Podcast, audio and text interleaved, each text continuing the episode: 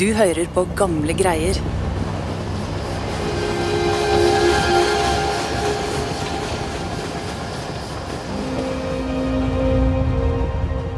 En kjølig høstkveld ruller et tog sakte inn på den store jernbanestasjonen Atocha i sentrum av Madrid. Om bord sitter norske Gerda Grepp. Tobarnsmoren fra Norge har kommet til Spania for å være krigskorrespondent. Når hun går av toget, blir hun møtt av en merkelig stillhet. Millionbyen er mørklagt. Gatelysene er slukket, vinduer dekket til. Det er portforbud, og folk sitter stille inne i leilighetene sine og venter på det verste.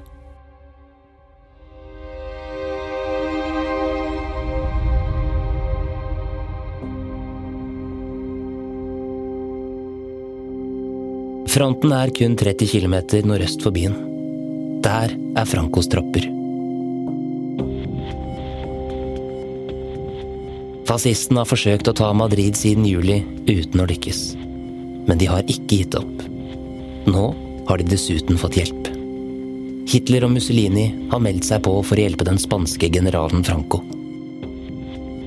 Og midt i begivenhetenes sentrum er norske Gerda Grepp.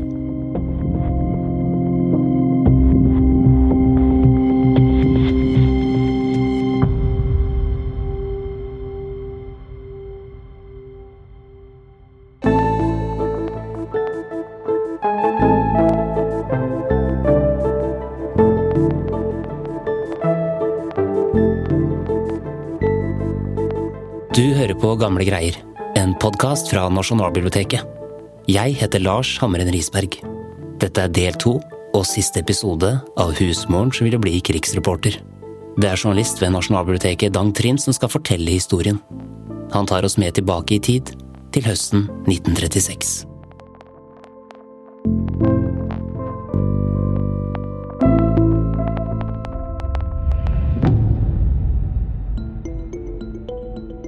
Det tok ikke lang tid før Gerda var vitne til at desperate mennesker på flukt fra andre deler av Spania strømmet inn til Madrid. Hun så kvinner og menn med barn på slep, med redsel og uro i øynene på gaten. De var på flukt fra general Francos styrker. Han anerkjente ikke venstresidens demokratiske seier etter valget, og hadde fått med seg allierte for å ta kontroll over Spania med makt. Hovedstaden var for øyeblikket en trygg havn for folk på både venstresiden og flyktningene, og den norske kvinnen var kommet hit for å rapportere om situasjonen.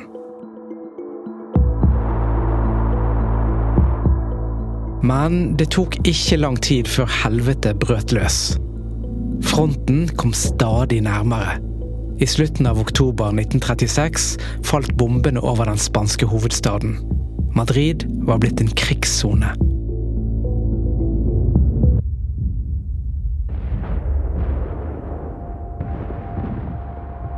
Gerda skrev ned alt hun så. Deretter hastet hun til det internasjonale pressekontoret for å få sendt hjem rapportene. Sunnmøre Arbeideravis 31. oktober 1936. Da flyene seilte innover Madrid, var de så høyt oppe at man kun kunne se dem som små fluer. Over den forsvarsløse by sendte de hundrevis av bomber, uten hensyn hvor de traff. Hun skrev rapporter ikke bare om militær taktikk, tall og statistikk. Gerda skildret hvordan krigen ødela uskyldige menneskers liv. Spesielt kvinner og barns liv. I et av Madrids arbeiderkvarter sto en mengde kvinner og ventet på å få utlevert melk til sine barn. Da springer en bombe midt i flokken, og tolv kvinner dreptes på stedet. Et lite barn dreptes i morens armer. Ganske tidlig var det klart at Gerdas rapporter skilte seg ut fra det de mannlige krigskorrespondentene skrev.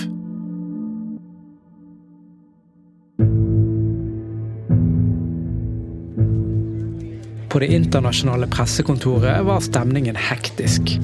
Gerda følte seg nok hjemme i det røykfulle lokalet hvor hun hørte klikkelyden av tastene på skrivemaskinene og telefonene som summet i bakgrunnen.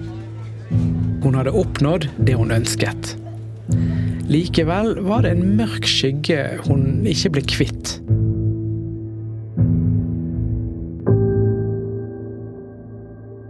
Hennes egen kropp var noen ganger en fiende.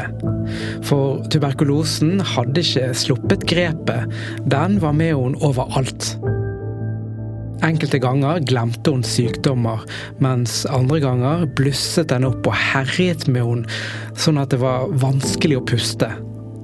Men med litt hvile, en eh, dose flaks og en enorm mengde selvdisiplin klarte Gerda å leve med tuberkulosen mens hun sto på som krigskorrespondent.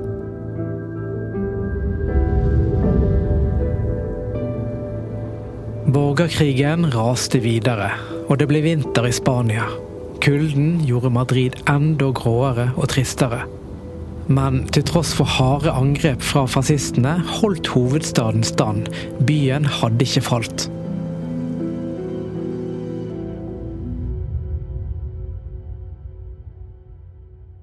Gerda jobbet knallhardt med å skrive og sende rapporter hjem, men da desember kom, var hun fullstendig utslitt etter mange måneder i en krigssone. Dessuten var savnet etter barna sterkt. Gerda bestemte seg for å reise hjem.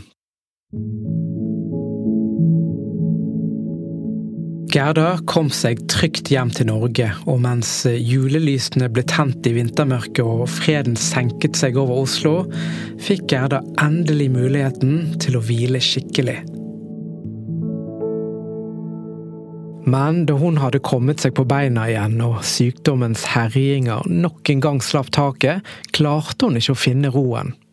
Kunne hun ikke være på jobb i borgerkrigen, kunne hun jammen snakke Spanias sak her hjemme i Norge.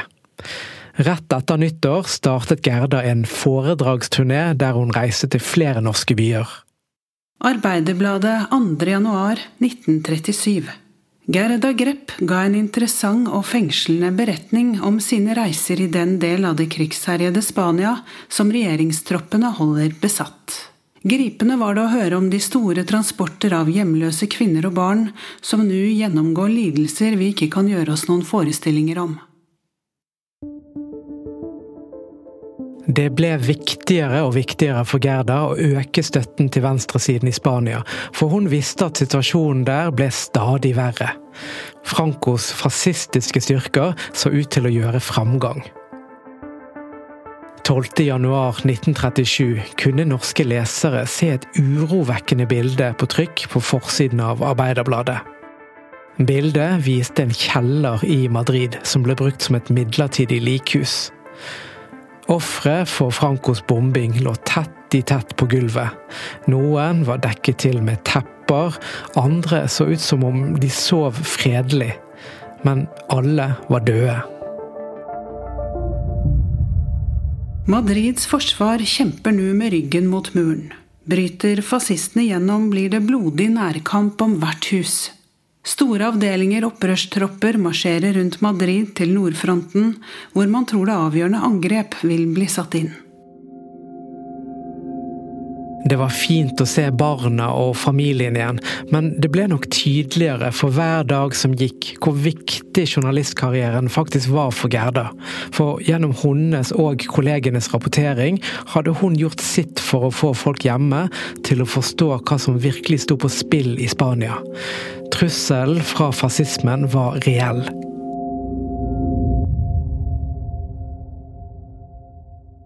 Folks engasjement hadde også økt. Den norske hjelpekomiteen for Spania hadde blitt stiftet med over 100 lokalforeninger landet rundt. De fikk samlet inn flere hundre tusen kroner, og pengene gikk til å hjelpe den spanske sivilbefolkningen med bl.a. mat og medisiner. Hun visste at hun måtte tilbake til krigen.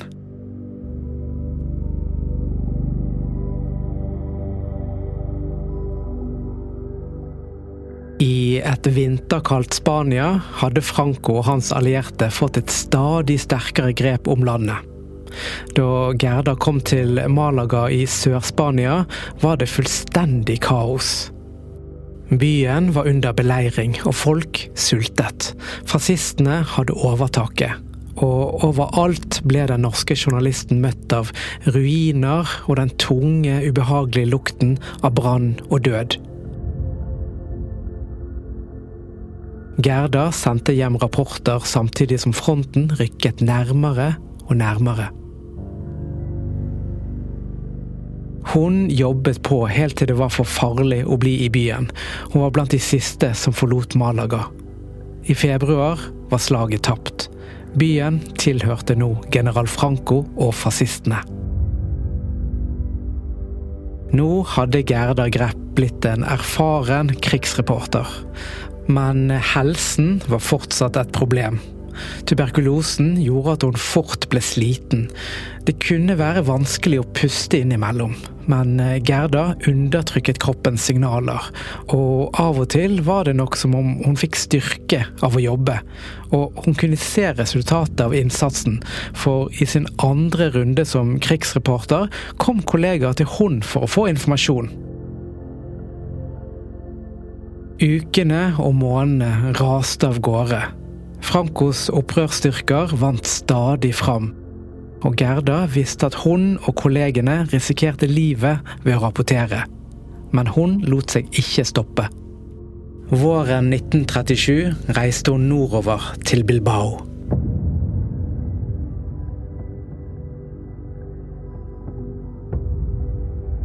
Mens mange lokale flyktet vekk fra byen, dro Gerda motsatt vei.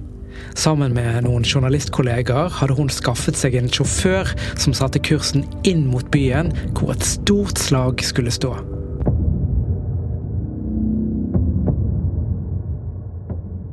Da bilen nærmet seg den baskiske byen Bilbao nord i Spania, ble sjåføren bekymret og rygget bilen inn under noen trær. Langt der framme i horisonten kunne de se resultatet av bombingen som allerede hadde begynt. Skogen utenfor byen sto i brann. Sjåføren fortalte at mange av hans kolleger hadde blitt drept på oppdrag som dette. Han nektet å starte bil igjen. Men Gerda kjente på pliktfølelsen. Hun hadde en jobb å gjøre som journalist, og fortsatte til fots i retning Bilbao sammen med kollegene.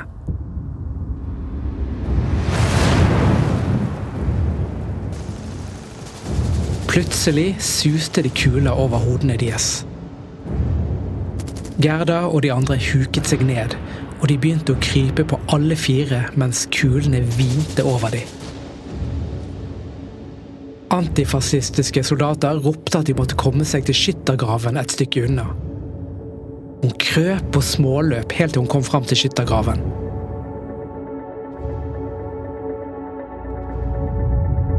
Jeg var egentlig ikke redd, men så oppspilt at jeg glemte å fotografere. Det var ikke noe hyggelig i skyttergraven. Der lå fem lik. De var dekket til med sekk eller en jakke, men jeg så at det ene liket hadde en blodig masse der hodet hadde vært. En såret satt på huk og ynket seg.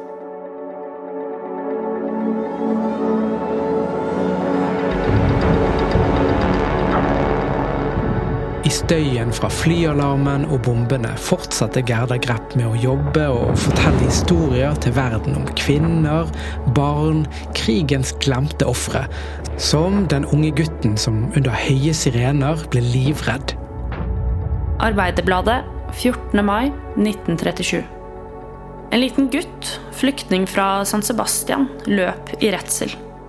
Og uten å se seg for falt han utfor bryggekanten. Da han ble fisket opp igjen av kanalen, var han død. Gerdas artikler var nå blitt ettertraktet. Språkmektig som hun var, sendte Gerda ut nyhetstelegram på tysk, som deretter ble oversatt til fransk og engelsk. Jeg så de små bena i tøysandaler stikke frem under lakenet han var dekket til med. De hadde lagt han i skyggen under en kran. Moren sto ved siden av og gråt. Gerda fortsatte å risikere livet i jobben som journalist. Hver dag dro hun ut til fronten og ble møtt av sønderbombede hus og mennesker med grusomme historier å fortelle, som hun formidlet videre.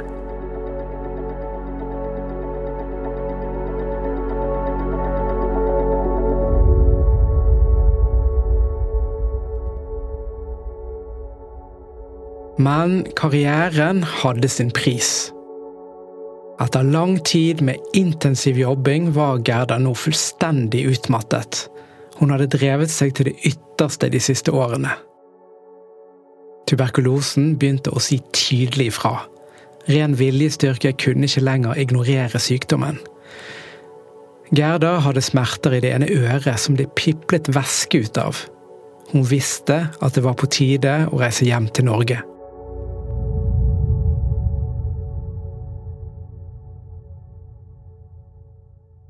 Etter en lang og slitsom reise klarte Gerda å komme seg til trygghet i Norge.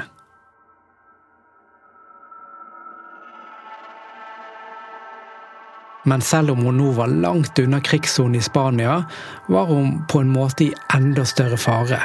For eh, høsten 1938 kjempet Gerda for livet.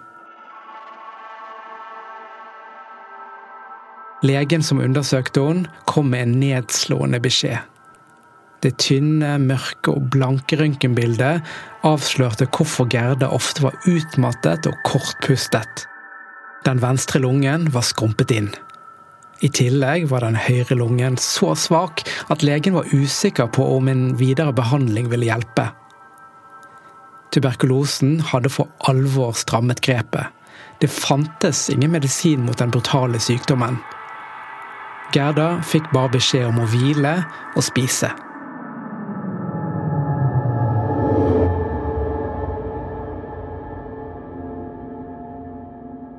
Den ene uken utløste den andre, og Gerda lå til sengs. Det var bare å gi opp håp om å reise tilbake til Spania som reporter. Hun var alvorlig syk og ble sengeliggende i mange måneder.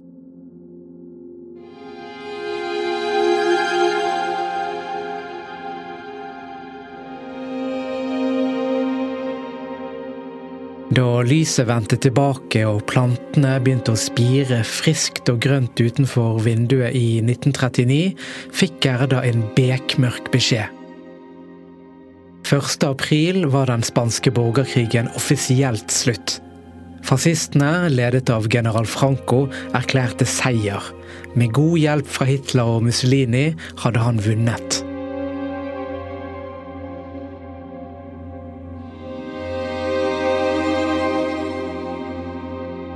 32-åringen hadde i mange år advart om at konflikten i Spania handlet om noe mye større.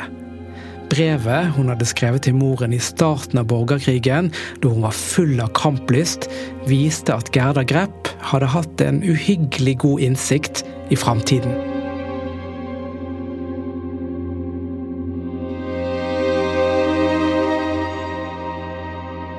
Det er ikke bare en spansk borgerkrig som foregår her. Det er verdenskrigens første fase. Det er kampen mellom sosialisme og fascisme i det hele tatt. Vinner fascismen, vil det komme en uendelig lang, sort epoke. Jeg skulle ønske dere ville forstå det.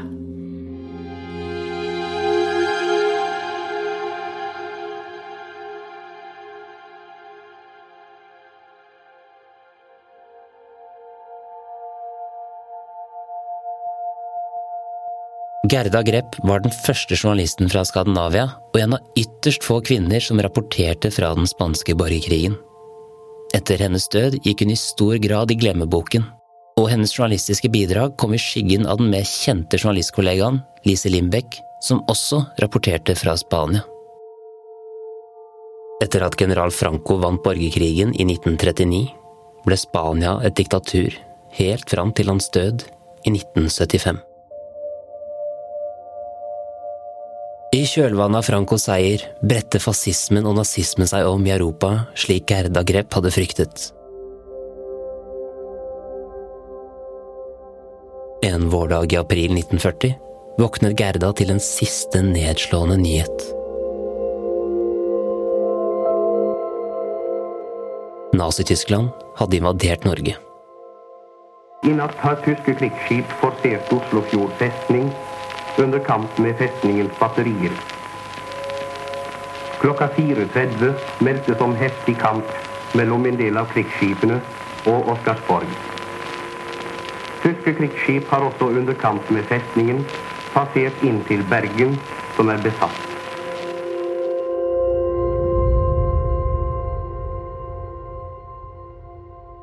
September samme år døde hun av tuberkulose. Da var Norge okkupert av nazistene. Gerda Grepp ble 33 år gammel.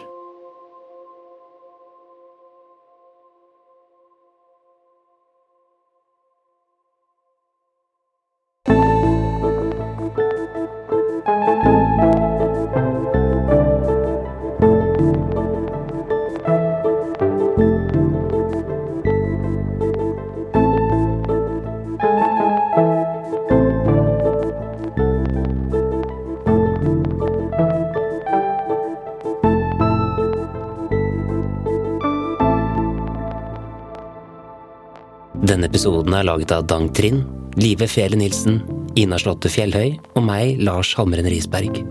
Takk til Jostein Moen, medforfatter av boken Tusen dager Norge og den spanske borgerkrigen fra 1936 til 1939. Kilder til episoden er Nasjonalbibliotekets digitale avisarkiv i perioden fra 1936 til 1939. Bøkene ved fronten Gerda Grepp og den spanske borgerkrigen av Elisabeth Wisli. Tusen dager Norge og den spanske borgerkrigen fra 1936 til 1939 av Jostein Moen og Rolf Sæther.